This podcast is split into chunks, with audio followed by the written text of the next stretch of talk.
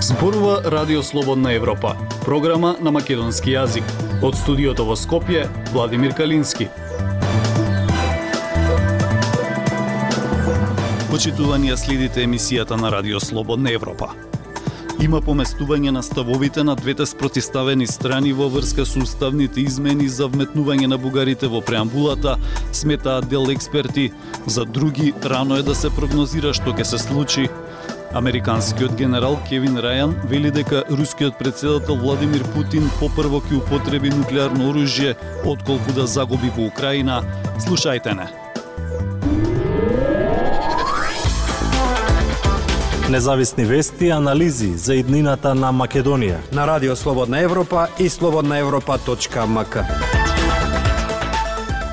која и каква влада ќе ги предложи уставните измени за вметнување на бугарите во преамбулата и дали попрво ќе се донесат во собрание уставни измени или ќе има предвремени избори се клучните прашања по вчерашната лидерска средба на премиерот Димитар Ковачевски и лидерот на ВМРО ДПМН Христијан Мицкоски. Дел експерти се согласуваат дека по лидерската средба има поместување на ставовите на двете спротивставени страни. Известува Зорана Гаджовска-Спасовска.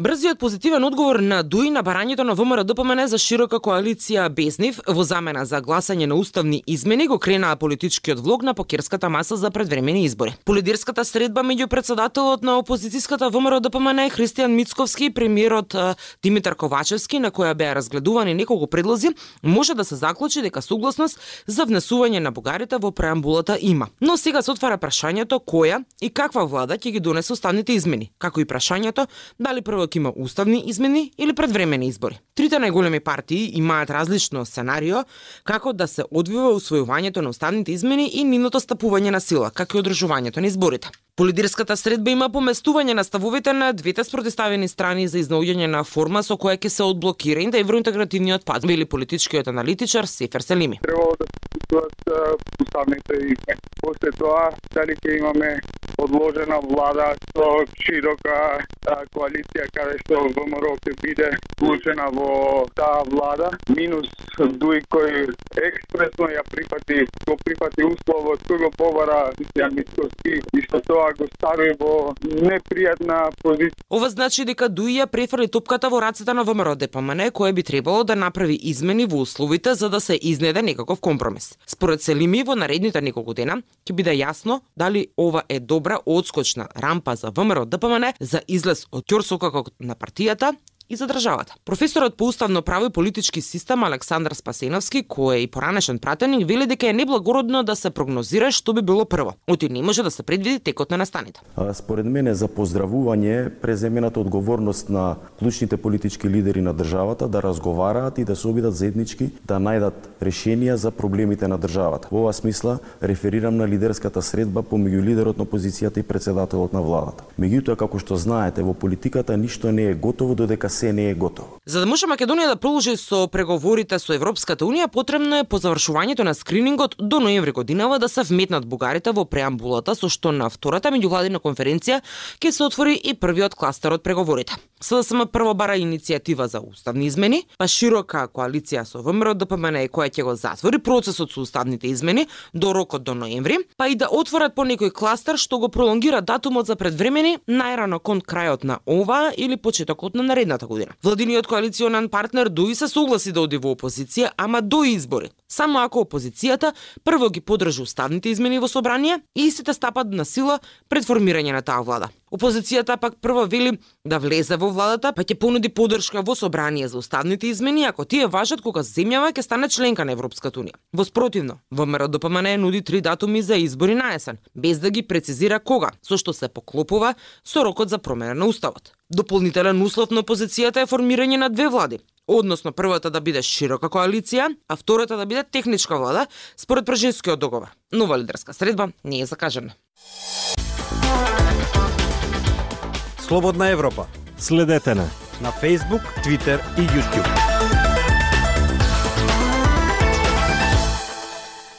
Куќата на лидерот на Алијанса за албанците Армен Таравари била купена од пратеник на Дуи. ВМРО ДПМН обвини дека куќата е политички договор за негово влегување во власта. Таравари ги негира ваквите тврдења. Известува Петар Клинчарски. Резултати и нулта корупција. Ова се очекувањата кои лидерот на Алијанса за албанците Арбен Таравари јавно ги побара од сопартијците кои станаа државни функционери на вчерашното одбележување 100 дена откако партијата стана дел од власта а токму првиот човек на партијата Таравари од пред три месеци е под лупа на Државната комисија за спречување на корупцијата за начинот на која купи куќата во Скопско тафталиџе од пратеникот на Дуи и собственик на нафтената компанија Пуцко Петрол, Исмаил Јахоски и Лјупка Еда Јахоска, која работи во истоимената компанија за сума од 150.000 евра, цена пониска од пазарната вредност. Според договорот за купопродажба во кој Радио Слободна Европа имаше увид, како продавачи на куќата на улица Брисалска се јавуваат Исмел Јахоски и Љупка Еда Јахоска, додека како купувач стои името на Арбен Таравари. Договорот на кој ставиле подписи тројцата е случен на 23 јуни 2021 година, со кој Таравари се обврзува да им исплати по идентична сума од 75.000 евра на трансакциските сметки на двајцата продавачи. Комплетно договорот е подпишано со некоја жена. Никогаш не сум се видел со господинот Јаковски за е, договор за оваа Но откако му предочишме дека во купопродажниот договор стојат и неговиот и подписот на Јаховски, го прашавме Таравари дали се уште стои на ставот дека не му била позната предходната собственост на функционерот на ДУИ. Јас знам во нотар сме отишле, сигурно посебно тие. Собственици се двајца, не е само господин Одјавовски, ова ви гарантирам. И господин Одјавовски и неговата и друга жена. За новото живеалиште на Арбен Таравари во Скопската населба Тафталиџе, јавноста можеби и немаше да дознае доколку информацијата не ја обзнани подпредседателот на ВМРО ДПМН Александар Николовски од собраниска говорница. Само неколку дена предходно, Алијанса за албанците по седницата на Централното председателство во Тетово одлучи да влезе во владината коалиција. Николовскиот законодавниот дом обвини за корупција, прашувајќи дали куќата е политичка цена која Алијанса за албанците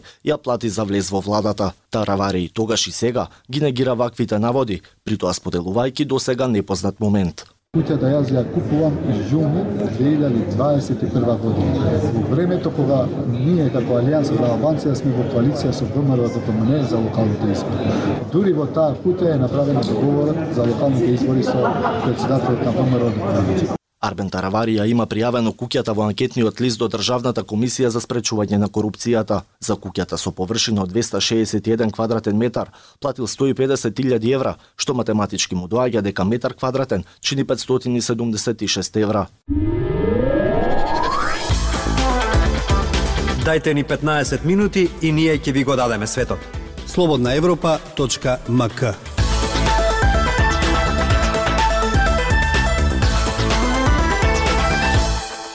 која од страните во војната во Украина би ја уништила браната Нова Каховка, како тоа ќе влијае на украинската контраофанзива и на другите планови на бојното поле, зборува пензионираниот американски генерал Кевин Рајан за грузискиот сервис на Радио Слободна Европа. Тој ги согледува и неуспесите на Западот во одвраќање против можната употреба на нуклеарно оружје од страна на рускиот председател Владимир Путин. Пензионираниот американски генерал Кевин Рајан е висок соработник во Балфер, Центарот за наука и меѓународни односи на школата Кенеди на Харвард и редовен коментатор за војната во Украина и други глобални настани. За грузискиот сервис на Радио Слободна Европа тој говори за тоа која страна и зошто било која од страните би ја уништила браната Нова Каховка, како тоа би можело да влијае врз украинската контраофанзива или на други планови на бојното поле. Тој исто така ги согледува неуспесите на Западот во одвраќање против можната употреба на нуклеарно оружје од страна на рускиот председател Владимир Путин. Тој тврди дека Путин би можел да прибегне кон нуклеарно оружје доколку биде во опасност да го загуби копнениот мост на руските сили во Јужна Украина, окупираните провинции или анектираниот Крим. Браната Нова Каховка во суштина повеќе ја нема, За некој се уште има прашања за тоа кој би можел да го стори тоа и покрај тоа што се укажува на Русија, во чиј интерес би било да се разнесе браната. Во овој момент не е во интерес на ниту една страна да ја крене браната во воздух. Слушнав три различни видови извештаи. Слушнав извештаи кои велат Русија го направи ова. Тие извештаи главно доаѓаат од Украина и од Запад. Тие доаѓаат од владата на САД и од НАТО. Може би имаат докази за тоа. Русите се разбира тврда дека украинците го сториле тоа. Има трета група извештаи, тие се мали, но се важни. И тие беа дадени и од Руската новинска агенција ТАС и од локалниот руски гувернер, кој рече дека всушност предходно имаше несреќа на мостот и дека таа несреќа доведе до неочекувано и несакано да речеме уривање на браната. Во овој момент сите три се можни. На Украина на вистина не е од корист да се случи ова. Тоа не е од корист ниту на Русија. Иако ако Русија на вистина е урна бранат и ја разнесе, оно што ми го откриваат за Русија и руските воени лидери е дека тие имаат многу мала доберба во нивната одбрана во регионот Херсон, одбраната која постојано ја градат од летото и е обемна. Да сум на нивно место немаше да ја поплавам оваа област, додека не видам под број 1 дека нападите доаѓаат во оваа област и под број 2 дека моите одбрани нема да можат да го задржат тој напад. Како ова се преведува на бојното поле од тактичка перспектива? Како тоа ќе влијае на која било украинска контраофанзива? Поплавите се значителни, особено на јужната и источната страна на водениот пат на реката Днепар, и тоа ќе го овозможи преминувањето на реката на голема воена сила, да речеме украинска во блиска иднина, да речеме за следната недела или понатаму. После тоа реката ќе може повторно да се помине но теренот ќе биде калив. Ке има области на теренот каде што нема да биде можно да се разбере штетата додека не се стигне таму, така што го комплицира секој маневар во тој регион или какви било планови што беа правени таму. Тоа е краткорочниот ефект. Во неодамнешниот есеј вие тврдевте дека Путин на вистина ќе прибегне кон употреба на нуклеарно оружје за да избегне пораз во Украина. Огромно мнозинство западни експерти и аналитичари велат дека ова е неверојатно сценарио. Се чини дека не го делите тој оптимизам. Зошто? Не сум првиот што предупреди дека неговите закани се сериозни. Многу луѓе велат дека неговите закани се сериозни, но потоа брзо велат сепак тие се сепак тие не се веројатни но ова го подкопува првиот дел од реченицата. Зошто сериозно би ја сватиле заканата, ако веројатно нема да се случи? Јас сум еден од редките луѓе кои кажаат дека овие закани не само што се сериозни, туку и веројатно ќе се случат. Тоа ја прави заканата итна. Нешто друго, нешто што другите не го кажуваат. Ако овие закани се препознаат како итни, тогаш владите ќе направат нешто за тоа. Ако тие не се итни или ако не се веројатни, тогаш владите имаат многу други работи за кои сакаат да се погрижат ако и се итни. Мојата намера не е да ги алармирам цивилите. За луѓето кои живеат во тој регион, украинците и русите подеднакво, ова не е теоретска дискусија. Наместо тоа, мојата публика се политичките лидери во Москва, Вашингтон, Киев и главните градови на НАТО. Тие подценуваат веројатноста Путин да ги исполни своите закани за употреба на нуклеарно оружје. Кога го подценуваат тоа, кога ги сметаат за неверојатни овие закани, го отврлат прашањето што да се прави во врска со тоа. Ние веќе го немаме тој луксус. Мораме да размислиме однапред и да размислиме што да правиме за медицинската подготвеност, подготвеноста за хуманитарна помош, војната подготвеност да работиме на нуклеарно бојно поле. За сите овие работи треба да направиме повеќе. Значи не го купувате аргументот дека Путин е категорично убеден да не користи нуклеарно оружје во Украина, дека ќе има катастрофални последици за тоа ако го земете на пример цитатот на Викторија Нуланд. Не знам дека нешто што ќе кажеме или правиме на Запад на крајот би предизвикало Путин или да употреби нуклеарно оружје или да не користи нуклеарно оружје. Ова е негова одлука. Тој покажа дека носи одлуки за ова без поддршка од многу светски лидери или дури и луѓе во неговата војска и влада. Тој мораше да замолчи многу луѓе кои зборуваа против тоа. Бидејќи Путин ја донесува својата одлука врз основа на собствената ситуација и на ситуацијата во регионите на Донбас Запорожје, она што тие го презеле таму, тој ќе го користи нуклеарното оружје ако не може конвенционално да ескалира за да спречи губење на тие работи. Мислам дека Западот на вистина не му понудил или му покажал нешто што би го одвратило од употребата на нуклеарно оружје во Украина. Дали се тоа економски санкции? Тоа не го спречи она што тој го направи до сега.